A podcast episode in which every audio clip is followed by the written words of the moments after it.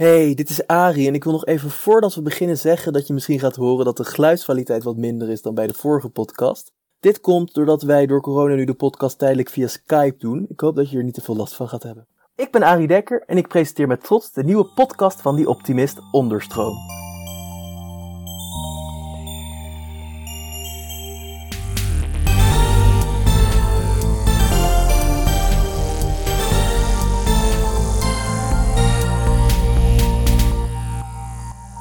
Hallo iedereen! Zoals altijd bieden wij om de week een podium aan mensen en ideeën die meer aandacht verdienen. Vandaag spreek ik met Jolanda Eigenstein, een zakenvrouw en innovator. Hallo, om te beginnen, vertel eens wat over jezelf. Vertel eens wat over mezelf. Oké. Ik, uh... ik heb nog nooit ook van een gast de reactie gehad. Oh ja, dat doe ik wel even. Dat even denken.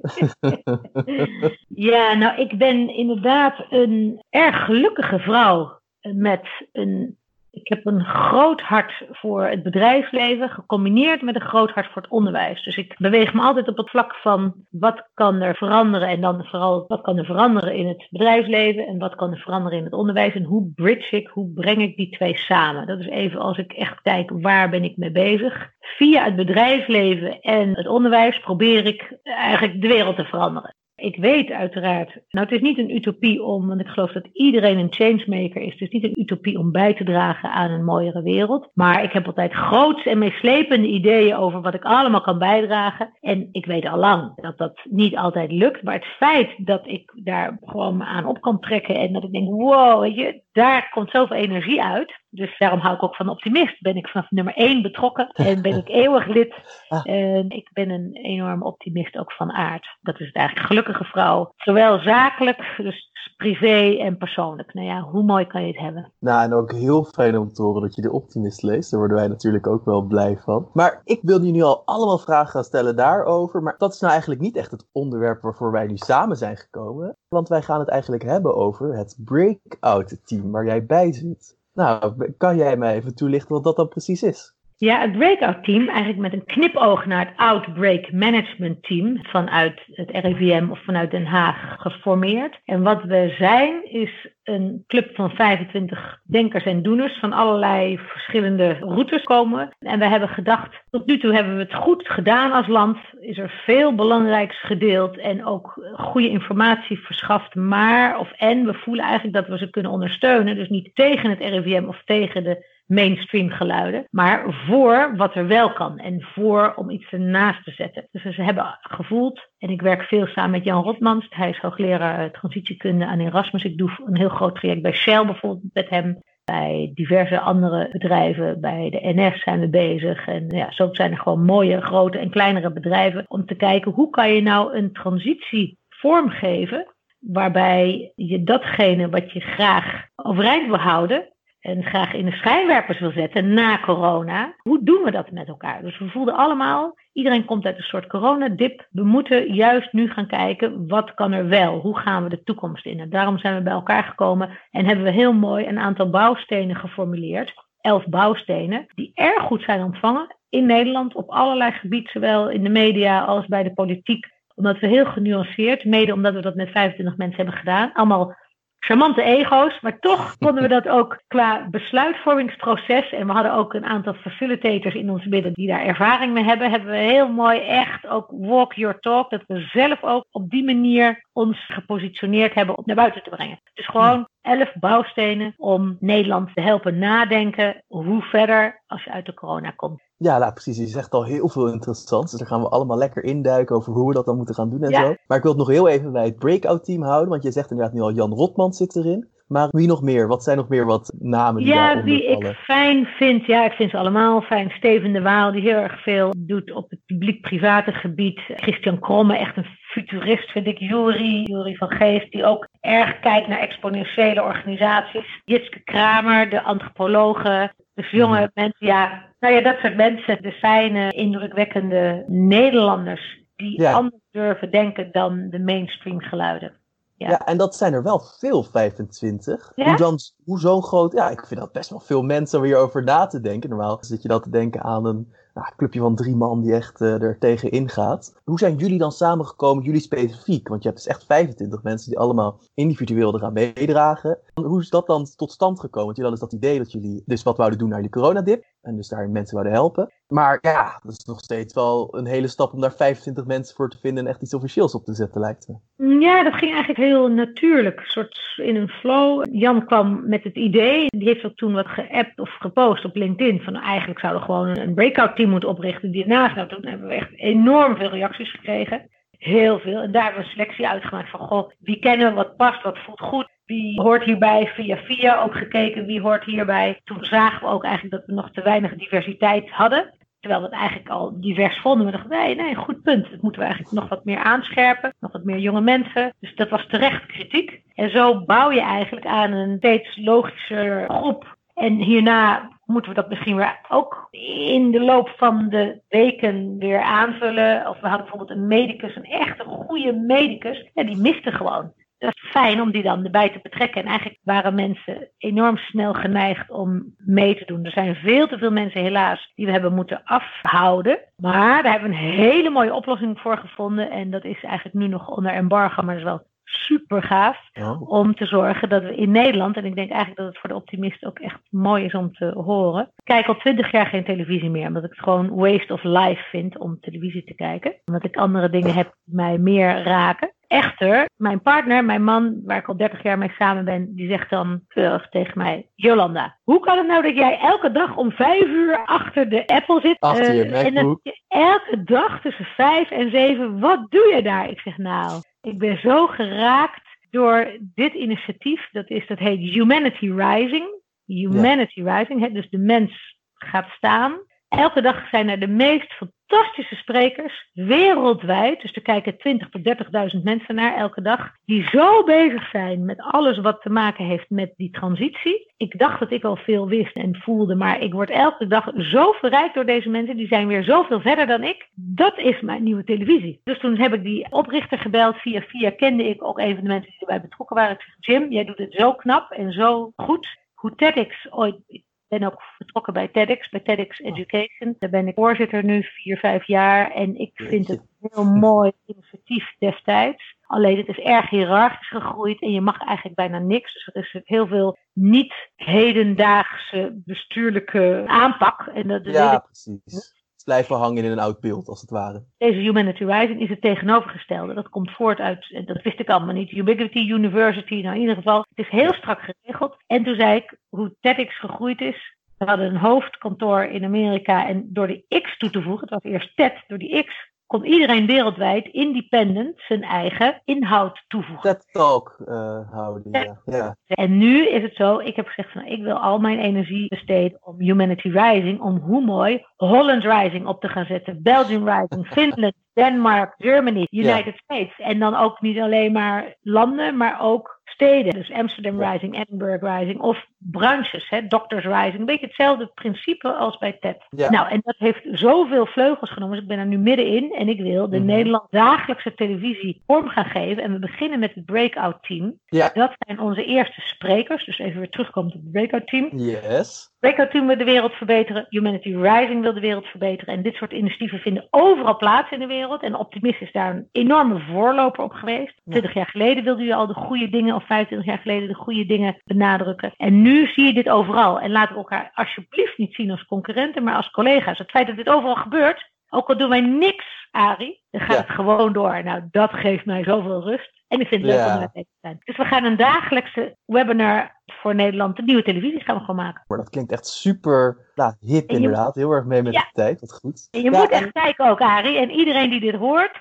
je moet dat zien. Het is zo indrukwekkend. Dus jij, ja, ja nou, dat weet ik ook uh, zeker dat onze luisteraars dat gaan doen. Ik zal ook een linkje plaatsen in de beschrijving. Dan kunnen ze het ook zelf gaan opzoeken. En ja, want wat eigenlijk dus een beetje, want jullie groep gaat dus een talk geven over hoe we dit moeten gaan doen. Maar om jullie groep eigenlijk te beschrijven, eigenlijk zijn het allemaal expertises. Dus je zei al antropologie en dokters en van alles. En die komen eigenlijk dus samen. Maar wat voor een expertises hebben jullie dan al zo in jullie groep zitten? Nou ja, wat jij, wat jij nu zegt, hè, dus mensen die heel veel weten over transformaties. Mensen die heel erg heel veel weten over groei van organisaties of gewoon van groepen mensen. We hebben ook een schrijver in ons midden, we hebben ook een tekenaar in ons midden. We hebben mensen die heel erg veel kijken naar bijvoorbeeld hoe werken besluitvormingsprocessen. Doktoren, die hebben we dus nu erbij, maar die hadden we niet. En het is een heel diversiteit van allerlei kwaliteiten en talenten van mensen. Dus eigenlijk alle mensen die nodig zijn om na te denken over hoe we dit proces zo soepel mogelijk gaan laten verlopen. Is dan een beetje het idee, neem ik aan. En daarvoor zijn dus die expertises dan nodig. Want je kan natuurlijk niet als innovator zeggen: ja, maar op medisch gebied is dit dus en zo ook goed. Toch? Dat is dan een beetje het idee. Nou, en vooral, want het maakt me eigenlijk nog niet zoveel uit wie daar precies in zitten. Want dat hebben we gewoon maar at random gekozen. Maar er zit zoveel energie op die groep. En dat is precies wat we willen overdragen, zowel op papier, hè, dus die elf bouwstenen. En nu zijn we met elf gebalanceerde stappen bezig. En over twee weken met elf tips. En dan met elf, steeds elf, elf, elf. Maar dat het alle mensen die niet aan het woord komen, vaak in Nederland. Dus ik zeg vaak stille kracht, stille tranen. Dat zijn mensen die enorm hard hun best doen. Deze podcast heeft ook als motto de stille stem van de vooruitgang. Dus ik denk dat wij een beetje dezelfde goals in mind hebben. Alleen jij dan misschien ja. een beetje een ander. Ja, ja, wat grappig. Nou, wat goed. Dus echt mensen die dus ook wel echt kunnen bijdragen, die willen jullie dan een stem geven. Nou, nu geef ik jou dus ook een beetje een stem via mijn podcast. Dus dan dienen we elkaar. maar laten we dan eens even gaan focussen op wat het probleem is. Want ik als normale burger, tussen aanhalingstekens natuurlijk. Ik moet zeggen, als ik zo hoor wat de overheid heeft gedaan, dit gaat niet het eerste dat bij mij omhoog komt, is koken en denken, ah, helemaal rottig, helemaal verkeerd. Ik bedoel, het zijn natuurlijk, niemand is perfect, geen enkel politieke aanpak is perfect, dat natuurlijk terzijde, maar ik vind dat het nog best wel, nou, naar mijn idee goed is gegaan. Maar wat is dan een beetje jouw idee erop? Want er is echt een breakout team nodig, er zal wel iets mis zijn gegaan, lijkt me. Of... Nee, nee, nee, nee, ik denk dat het heel goed is gegaan. Ik was ook zeer gecharmeerd door Mark Rutte en ook hoe die en een verbindende rol pakt en zijn leiderschap pakt en ook durft te blijven staan terwijl vanuit Europa er heel veel tegendruk kwam. Dat was echt heftig in die eerste fase, dat we dus niet naar een totale lockdown gingen. Ik weet de Belgen en de Fransen en de Italianen en de Spanjaarden, die waren allemaal heel erg soort boos op Nederland. Dus ja, ik sprak ook iemand die precies dit zei, dat ze het zo belachelijk vonden dat wij niet meteen in lockdown gingen, maar ga door, ja. Ja, dus ik vind dat helemaal niet verkeerd is geweest. Tot aan een zeker moment, en dat is precies toen wij voelden van hé, hey, alles lijkt nu rustig te zijn. Er wordt veel aandacht besteed aan alles wat verkeerd gaat. Dus hoeveel doden, hoeveel besmettingen. Maar laten we eens aandacht besteden aan alle mooie initiatieven. Er zijn meer dan 6000 initiatieven ontstaan tijdens corona in drie maanden tijd. Die allemaal bezig zijn om zeg maar, de wereld een stukje mooier te maken. laat dat zien. Niet alleen maar de ook het NOS-journaal, ik vind het echt een slechte zaak dat zowel de politiek als de media vooral continu maar blijven hangen rondom doden en besmettingen en veel minder over hoe kan je zelf sterk worden? Hoe kan je zelf bijvoorbeeld hè, ook gezond leven om te zorgen dat je dat virus, en als je het al krijgt, dat het dan minder impact op je heeft? Hoe kan je zorgen voor zeg maar, gezondheid? Hoe kan je zorgen voor je eigen well-being? Wat voor mm initiatieven zijn er allemaal? Hoe leuk om te laten zien wat er allemaal al wel is, in plaats van alles wat er niet is. Ik denk dat dat een kanteling van denken in ons moet zijn, dat we daar de aandacht op gaan vestigen. Ja, maar ik denk namelijk ook wel dat dat natuurlijk een beetje een probleem is dat er altijd is, toch? Dat de media. Ik kom natuurlijk als optimistisch redacteur heel veel positieve initiatieven tegen, waar ik dan vervolgens nooit meer iets van hoor, of wat ik gewoon eigenlijk dat niet, nou, het wereldnieuws bereikt. Maar is dat niet altijd zo? Is dat niet, staat dat niet een beetje los van corona, dat probleem? Ja, maar nu wordt het eigenlijk wat corona doet, legt bloot al die systemen die we met elkaar in stand houden, Ari. Dus wij zijn het systeem, wij zijn daar onderdeel van. Die legt dat bloot. En alle scheefgegroeide paradigma's die ook wij allemaal blijkbaar over, ook dat wordt nu heel duidelijk zichtbaar. En nogmaals, de Ode, wat ik een prachtige naam vind, en nu de optimist, durfde al te zeggen van nou, weet je, wij willen vooral benadrukken wat er goed gaat. En we willen belonen en waarderen wat er in de samenleving en sectoren plaatsvindt om elkaar te helpen. In plaats van om elkaar af te breken. Dus zo zijn er steeds meer geluiden. En jullie waren daar een voorloper van. Ook wij met Iederwijs destijds. We hebben een schoolsysteem opgezet, twintig jaar geleden. Nou, dat school, wij werden uitgelachen en mensen waren mm. boos. En ik werd bedreigd omdat ik het kind centraal stelde en niet het systeem. Nu zijn wij gewoon aan het worden. Nou, dat is precies wat nodig is. Ook jullie zijn niet meer uniek jullie USP, de kans dat de optimist verdwijnt, heel aanwezig. Fijn, mhm. want anderen nemen dat over. Dat wij op een gegeven moment verdwijnen. Fijn dat jij niet meer nodig bent, dat ik niet meer nodig ben met dit stuk. Dat zou mooi zijn. Laten we toch maar hopen dat we nog wel een beetje nodig blijven. Want ik vind het toch wel een heel leuk uh, beroep. Ja, maar dan doe je wat anders. Nee, maar dan ga je wat anders doen. Dan ga je wat anders doen. Maak een grap. Ja, ja nee, zeker. Ja, want ik las, ik heb jullie website natuurlijk wel gelezen als voorbereiding erop. Uh, jullie noemen het ja. dus weeffouten in de maatschappij, toch? Dat vind ik een heel ja. mooi om te zeggen, weeffouten. Hm. En zijn er dan nog meer van dat soort weeffouten die eruit zijn gekomen tijdens de coronacrisis? Naast dus dat we heel erg focussen op het negatief in het nieuws. Nou, de grootste weeffout, kijk, dit zijn die elf bouwstenen, zijn meer nu ingaand op hè, de anderhalve meter samenleving is niet normaal. Dat is een tijdelijk normaal. We gaan niet tien jaar lang anderhalve meter van elkaar lopen. Dus dat is gewoon goed om daar even realistisch over te zijn. Of dat er meer maatwerk moet worden geleverd voor jongeren, ja. omdat die er minder last van hebben. Dat soort dingen. Maar dat vind ik eigenlijk voor nu belangrijk. Maar ja. de weeffouten, natuurlijk in Nederland, maar ook in Europa en ook in de wereld. Daar gaat het om dat we nu meer dan ooit, en daarom vind ik het noodzakelijk om daar juist nu aandacht aan te geven. Door corona zien we eigenlijk ons hele economisch systeem. Hè, moet dat wel zo blijven? Of kunnen we naar meer een donut systeem, bijvoorbeeld van Kate Rayworth, waar we ook nu mee bezig zijn? Mm-hmm. Waarom we altijd moeten blijven groeien? Kijk eens naar de natuur. Daar hoeven we ook niet dan sterven de dingen af. Bladeren, bomen ja. sterven af. Dan groeit weer iets nieuws. Dus juist dat up en down van groei. Dat is een soort donut die in en uit kan ademen. De hele natuur ademt in en uit. Continu. Hè? Dus steeds. Ja.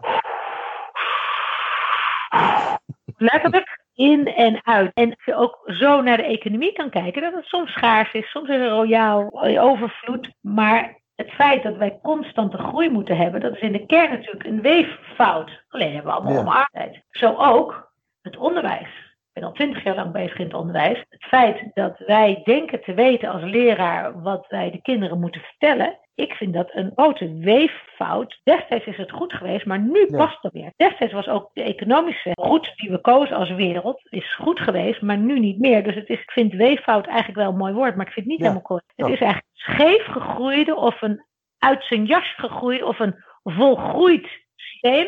Er zijn aan een nieuw systeem. Dat nieuwe design, en ik zou eigenlijk willen zeggen nieuwe designs, meervoud. Mm-hmm. Gaat er maar één design gaat niet werken. Dat is precies ook waar we vanaf mogen stappen. Het gaat erom dat je op jouw plek, in jouw ecosysteempje, op jouw school of op jouw werk, met jouw mensen gaat kijken wat voor jou en voor jullie als groep goed voelt. Dus het zijn mm-hmm. verschillende designs. En ik zou willen zoeken met elkaar, en dat is volgens mij iets wat de toekomst nu van ons vraagt. Dat zijn designs die passen bij wat er nu nodig is. Zowel voor studenten die allemaal, kijk, het feit dat ze niet geïnspireerd zijn, mijn eigen kinderen ook niet. Mijn dochter die is alleen maar gelukkiger geworden sinds ze nu niet meer naar de middelbare school elke dag hoeft. Omdat ja. ze ziet waar haar kwaliteiten liggen en waar ze echt graag energie in wil steken. En we kunnen het al lang aanbieden. In het onderwijs kan het al lang, mede door de digitalisering dat een kind, dat jij precies datgene krijgt, Arie, waar jij behoefte aan hebt. Het is ja. niet meer dat een leraar dat allemaal moet weten. Vroeger wel.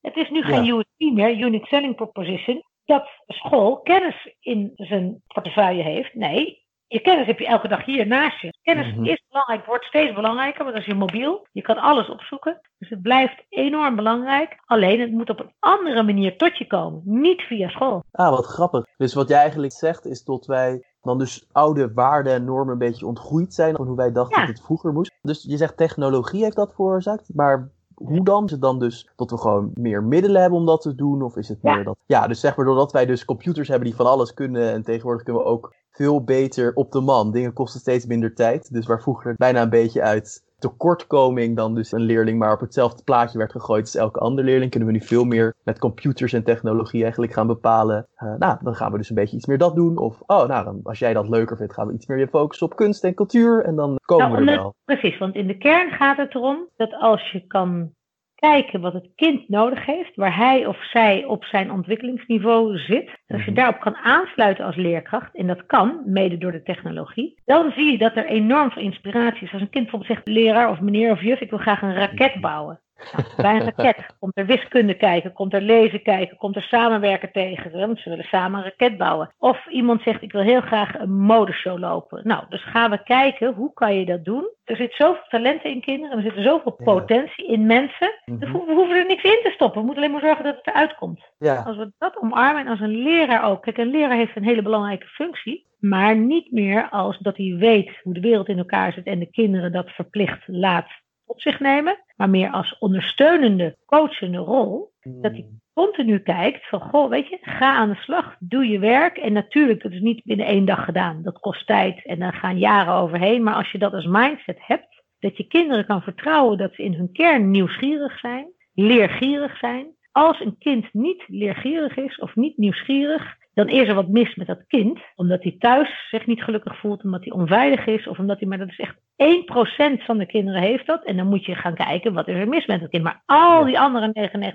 99%, net zoals ze hebben leren lopen en praten, omdat ze dat ook wilden van hun ouders, zijn ze nieuwsgierig. Gaan ze hun taal ontwikkelen. Dat zit gewoon in dat kind.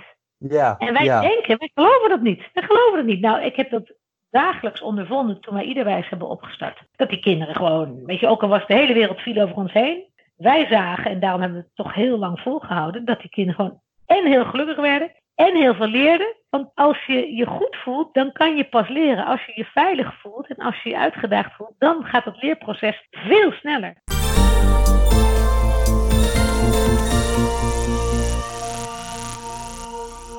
Ik denk ook wel dat wat jij zegt aansluit op het breakout team. In de zin dat dus dat een van die dingen is. Nu, na de coronatijd zit er dus een beetje een soort van nou, machtswisseling bijna, een gat. En eigenlijk wat jullie dus nu doen met dat breakout team is heel slim. Nou, bijna een beetje misbruik maken van de situatie. Maar dan natuurlijk zonder de negatieve aanhangselen die daarbij horen. Om dus problemen die er al veel langer zijn en nu heel erg naar voren worden geduwd, aan te passen eigenlijk, toch? Dus jullie varen mee in die stroom van negativiteit van de coronacrisis om dan ervoor te zorgen dat daar uiteindelijk iets positiefs uitkomt, als ik het zo hoor. Ja, nou en we maken geen misbruik, maar we maken gebruik inderdaad van de huidige situatie. En ook hoe noodzakelijk het is. Iedereen doet dat op persoonlijke titel. Niemand verdient er wat aan. Het kost alleen maar ontzettend veel tijd, maar het levert heel veel inspiratie op. Maar dat we kijken naar hoe kan je nieuwe mindsets creëren voor een nieuwe wereld. Voor een wereld die we, net zoals de pest destijds, het is 1300 of zo, de, de, helft van de wereld die verdween. Maar de renaissance kwam daarvoor terug. De renaissance betekent letterlijk hergeboren worden. Renaissance, opnieuw geboren worden. Ik voel en ik hoop en ik heb ook daar tranen over, want ik weet dat het deels niet zo zal zijn, want mensen willen heel veel snel terug naar het oude, want dat is veilig. Maar ik hoop werkelijk dat we net een voldoende massa maken 20, 25 procent zeggen de ervaren wetenschappelijke. Dus bijvoorbeeld ook een Jan Rotmans die weet vanuit zijn 30 jarige studie dat je bij 20, 25 procent is die kritische massa daar om die kanteling te maken. Dus ja. daar ga ik ook vanuit. Stel dat het ons lukt.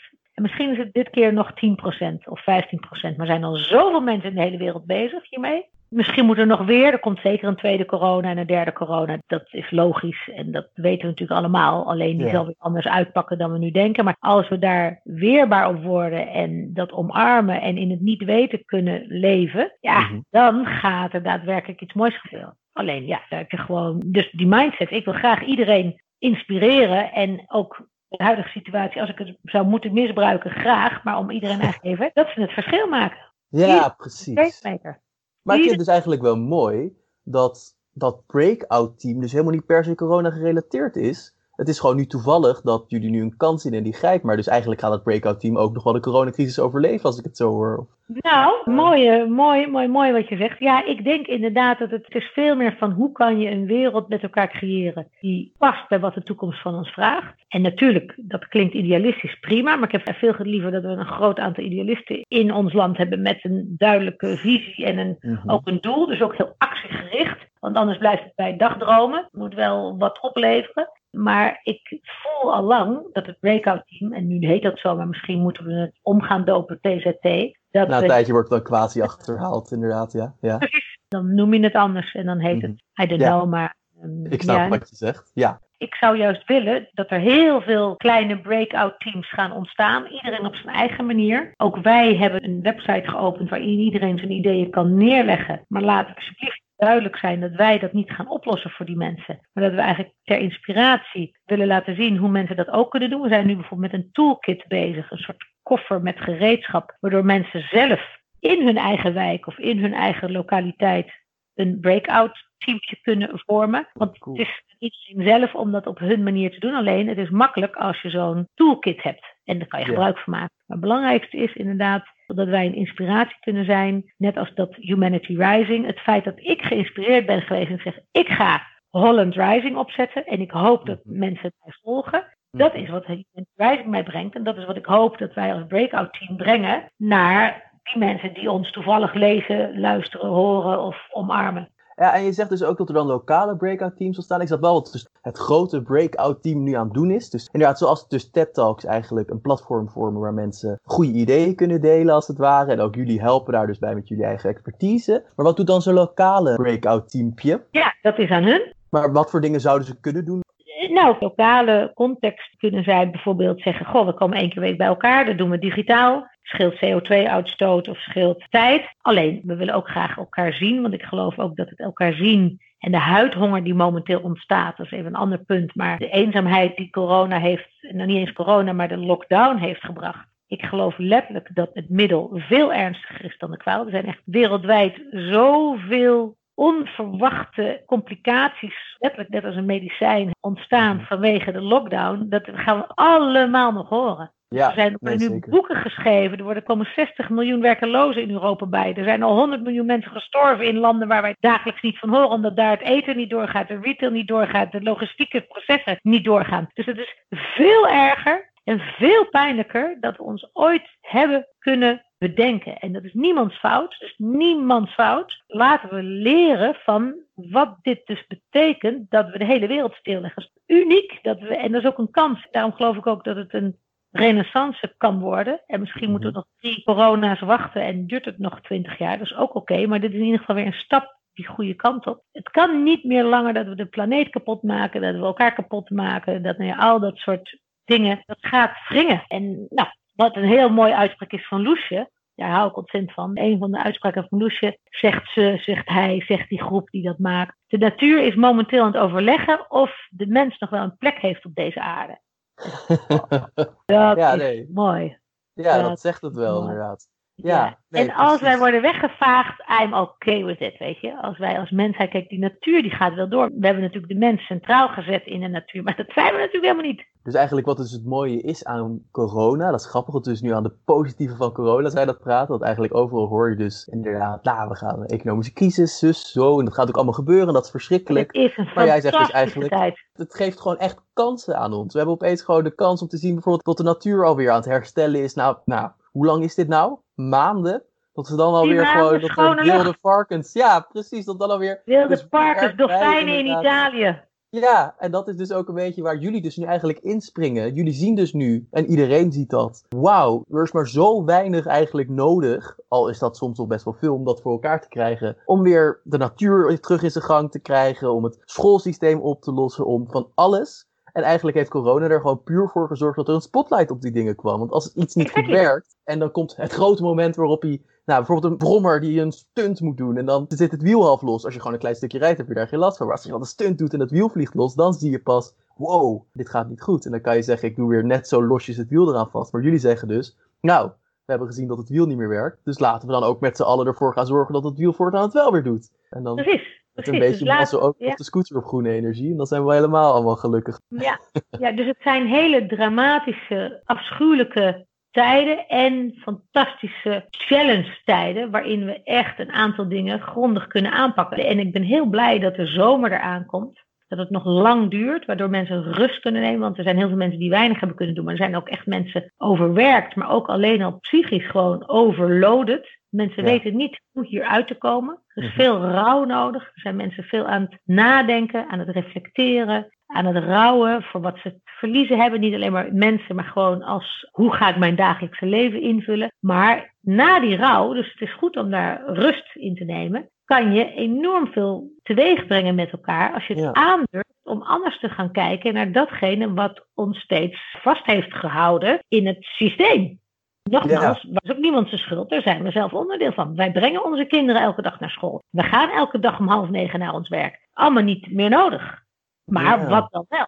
Wat dan wel? Ja, ja, School heeft een hele belangrijke functie. Werk heeft een hele belangrijke sociale functie. School natuurlijk ook. Nee, maar we moeten dus niet, en dat is natuurlijk sowieso iets waar wij ons tegen verzetten, maar wat wel iets is dat zo is. We moeten bijna vaak als iets gewoon makkelijk is voor ons. Als dus, nou, we hoeven er maar weinig aan te doen. Dus hoe nu bijvoorbeeld de economie gaat en zo, dat, dat was vroeger al bepaald, nou, kunnen we het net zo goed laten. Vinden wij eigenlijk altijd wel makkelijk, zo doen we dat gewoon. Maar eigenlijk pas merk je wat een last je daarmee creëert en hoe moeilijk het je, bijvoorbeeld ook voor jezelf, dat is ook een persoonlijke les altijd, dat je merkt dat als je gewoon een grote verandering in je leven brengt, dat best wel eigenlijk belangrijk en een opluchting kan brengen. Dat het feit dat je ergens comfortabel mee bent, of dus tot wij dus nu comfortabel zijn met hoe de scholen zijn geregeld, hoe de economie is geregeld, tot dat niet meteen betekent dat het ook een goede manier is, dat er hartstikke veel haken en ogen aan zitten, is dat we eigenlijk even de zure appel moeten doorbijten, toch? Zeker. Ja, die heel zoet wordt. Ik noem dat, ik heb ook met een aantal, met honderd ondernemers, hebben wij ook een soort, ja, het heet moving leadership, gewoon een groep van mensen die kijkt naar hoe kunnen we alles wat in beweging is. Hè, jij bent in beweging, ik ben in beweging. Ik wil me laten raken, jij wil je laten raken. Dat heeft ook met moving te maken. Something moves you. Is om continu te kijken, wat kunnen we doen in ons eigen denken en doen. Wat zo passend is, hier ook weer bij de nieuwe generatie, bij de volgende stap. En dus moeilijk maken, laten we gaan kijken wat wij steeds met elkaar in stand houden. Het is echt niet nodig om inderdaad je kind elke dag naar school te brengen. De files die gaan oplossen. Waarom? Mensen pieken er niet meer over om in de file te gaan staan. Dus de wegen, die hoef je niet meer uit te bouwen zoals we nu al die plannen hebben. Er gaan heel veel dingen verdwijnen. Taxis, alle leasemaatschappijen, dus wagenparken van bedrijven. De ja. kostcutting, daar waar je het eerst gaat snijden, zijn in dat soort kosten. Ja. Dat niet die mensen meteen ontslaan. Dat kan niet eens in Nederland, maar je gaat wel zorgen. Want waarom zou je nog iedereen een leaseauto geven? Waarom ga je nog naar congressen all over the world als je het ook digitaal kan doen? Dus er gebeurt, gaat ontzettend veel veranderen. Ook weer een goed voorbeeld inderdaad, dat door corona we nu achter zijn gekomen hoe makkelijk het eigenlijk is om gewoon helemaal digitaal te gaan. Inderdaad de traditionele werkvloer eigenlijk helemaal niet per se iets is dat wenselijk is, als het ware. Of in ieder geval helemaal niet de enige manier is om dingen aan te pakken. Ik denk dat dat inderdaad zeker is, laat, dat zien we nu heel erg in deze tijd. Ja, en het is mooi, hè, want ik denk, ik geloof, hè, digital go swinging. Ik geloof echt, we gaan weer swingen. Ook op, op gevoel op onze digitale routes. Hè. Dus ik praat met jou, we zien elkaar. En ik heb nu veel meer een driedimensionaal beeld van jou. Vroeger was het of op papier of alleen maar een podcast. En ik denk, verder is dat je elkaar ziet. En dat vind ik zo mooi van zoomen. Daarom geloof ik dat Zoom de nieuwe religie is. Ja, omdat het dat is een, precies dat is een interessante uitspraak. Ja, ja, omdat wat doet Zoom? Die zegt in een nutshell, want iedereen weet nu wat zoomen is. En of je nou Teams gebruikt of Meet of zo, dat maakt helemaal niet uit. Maar zoomen, je brengt mensen bij elkaar op een hele korte tijd. Je hebt heel veel winst op heel veel vlakken. Namelijk tijdswinst, CO2-uitstootwinst, kostenwinst, enorme kostenposten. Normaal moet je een zaaltje huren, dan moet je weer ergens, dus gebouwenwinst, et cetera, et cetera. Wat je mist is het persoonlijke contact. Ook zo mooi. Mensen zeggen ja, maar dan gaan we elkaar minder zien en dan krijgen we huidhonger, wat eerst nog niet bestond, dat woord, of dat kende niemand en nu is het een soort, ja, ook een soort logisch woord. We hebben huidhonger. Ik denk dat wij gaan voelen meer dan ooit, en dat is zo mooi ook mede door corona, hoe belangrijk het is om elkaar aan te raken, hoe belangrijk het is om dicht bij elkaar te zijn. En ik dans erg veel, dus ik op heel veel gebied. ja, hetzelfde als mediteren, maar heel vrouwelijk. Kunnen we een andere podcast aanwijden, want nou, precies. vind ik heel mannelijk. Nou, mannen en, kunnen ook klans hoor.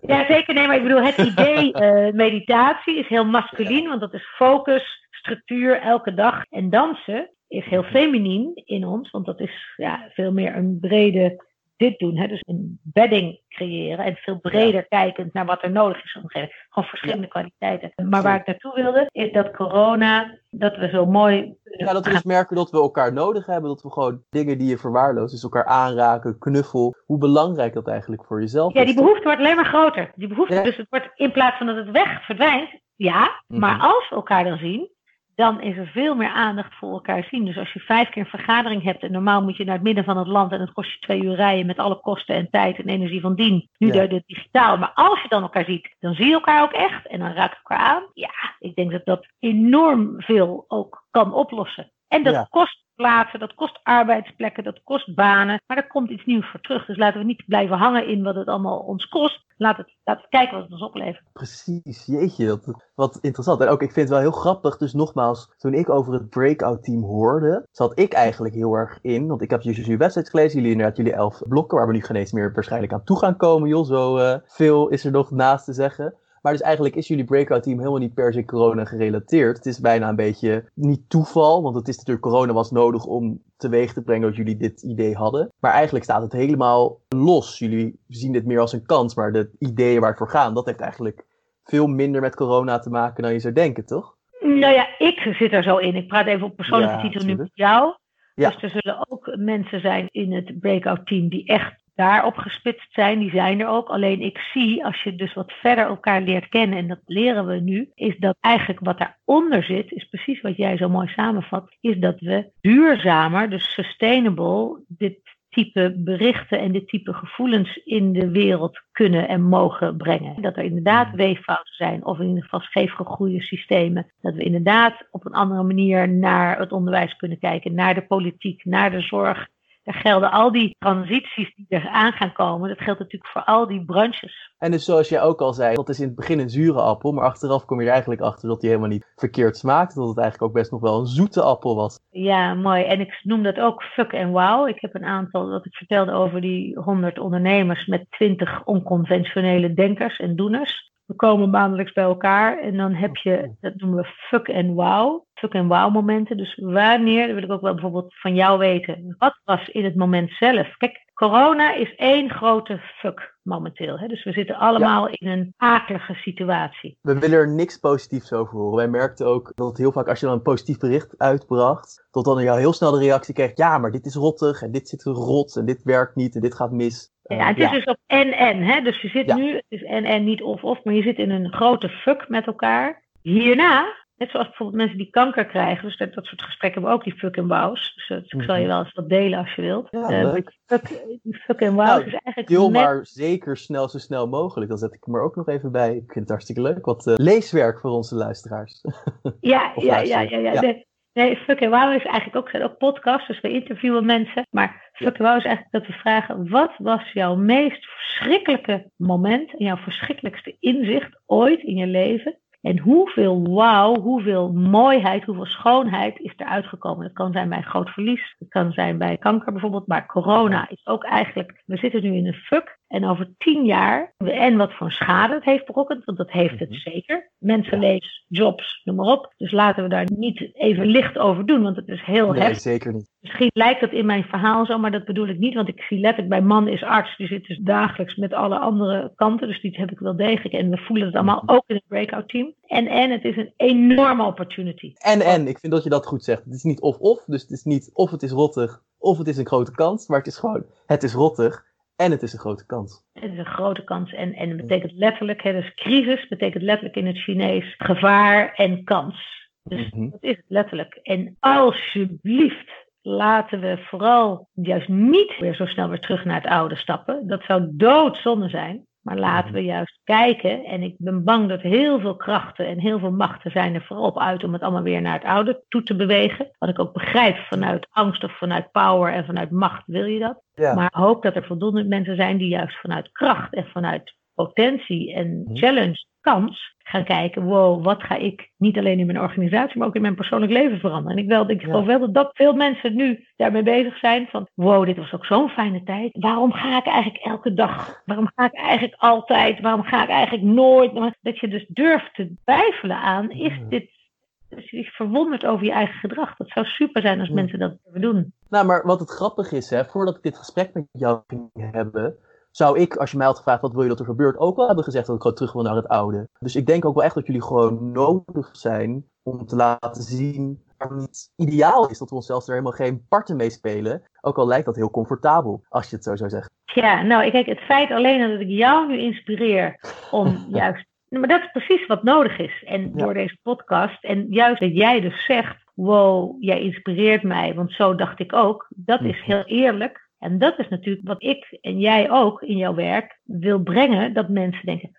oh, dus zo kan het ook. Ja. Oh, wow. En dat mensen zich durven laten raken door jou, door mij in dit geval. Ik vind het allemaal hartstikke mooi om te horen. En ik denk inderdaad dat het echt goed is om dit naar buiten te brengen. En wat jullie dus ook heel goed doen, jullie vormen daar dus nu een platform voor met het breakout team. Dat jullie dus echt gewoon voor zorgen dat mensen te horen krijgen dat deze dingen miszitten. En nu kunnen we het zelf ook makkelijk zien. Dus is er ook geen enkel tegenwoord dat je er tegenin kan brengen. Je kan moeilijk gaan zeggen nu nog, nou, global warming. Als je al ziet dat het zich fixt in een paar maanden als het ware. Dat, al zo... dat vind ik ook zo mooi. Je kan niet meer die hele Paris akkoorden van 2025. Het kan. Ja, nee, precies. Ja.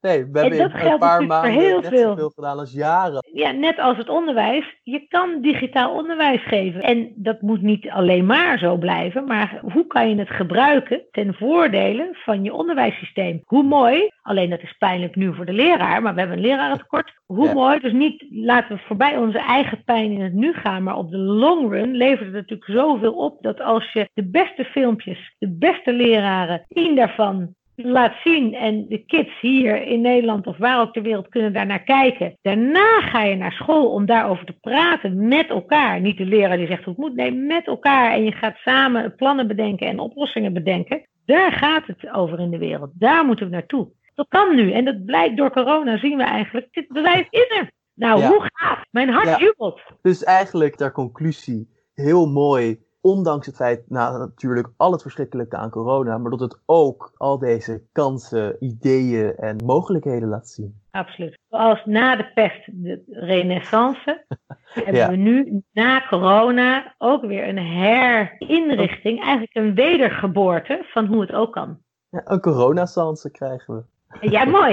Ik Wordt heel zeg, ik flauw aan zeg elkaar quarantainetijd, quarantaine, hè, van quarantaine, quarantainetijd, maar een corona-sanse, tof, die gaan we doen. Corona-sanse, noem het maar zo. Is goed. Nou, Mooi- dus mooi we gaan naar de coronasanse. Nou, echt heel erg bedankt. Ik, je hebt me geïnspireerd. Ik zou ook Ja. zoveel mogelijk mensen proberen te bereiken hiermee. En ja, heel erg bedankt. Tot super interessant. Dankjewel. Mm. Dankjewel ook luisteraars. Tof.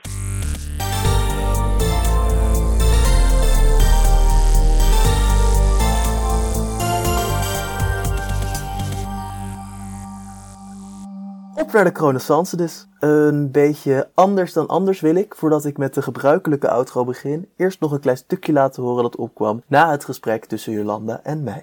Hallo luisteraars, we waren nog even een beetje aan het napraten. Toen kwam eigenlijk nog boven dat we nog niet de grootste fuck wow van mij opkwam. Nou, wat het dus grappig is, waarom ik dit ook zo inspirerend vind, zelf ook merk, en wat mensen ook hebben, is dat ze heel erg maar dingen op de rug nemen. Dus steeds kleine dingetjes, steeds dingetjes die het zwaarder maken. Bijvoorbeeld, ik heb een beetje moeite met mijn vader, en wat ik dus heel erg deed, was ik maar om hem heen bleef hangen en ik probeerde maar het goed voor hem te doen. En dat zijn dus zulke kleine pakketjes die je maar op je Mhm. rug krijgt. En dat wordt steeds zwaarder. Dus uiteindelijk, zonder dat je het doorhebt, is er gewoon steeds iemand achter je die deed dingen in je rugzak loopt stoppen, waardoor die zwaarder wordt. Dus uiteindelijk loop je met duizend kilogram een berg op. En wat ik eigenlijk toen dus besefte, is dat het heel zwaar is om die af te werpen. Dus, dus bijvoorbeeld mijn vader loslaten was echt moeilijk. En ik loslaten is natuurlijk ook groot woord. Maar dat je dus eigenlijk, dat het zwaarder is. Dus ook zoals jij zei dat corona, dat is eh, zwaar om te zeggen, we gaan de hele maatschappij veranderen. Maar als je hem eenmaal hebt afgeworpen, dan voel je echt in één keer, je had het daarvoor niet door, hoeveel verschil het maakt. Dus je zou het nooit hebben gezegd voordat je hem afwerpt.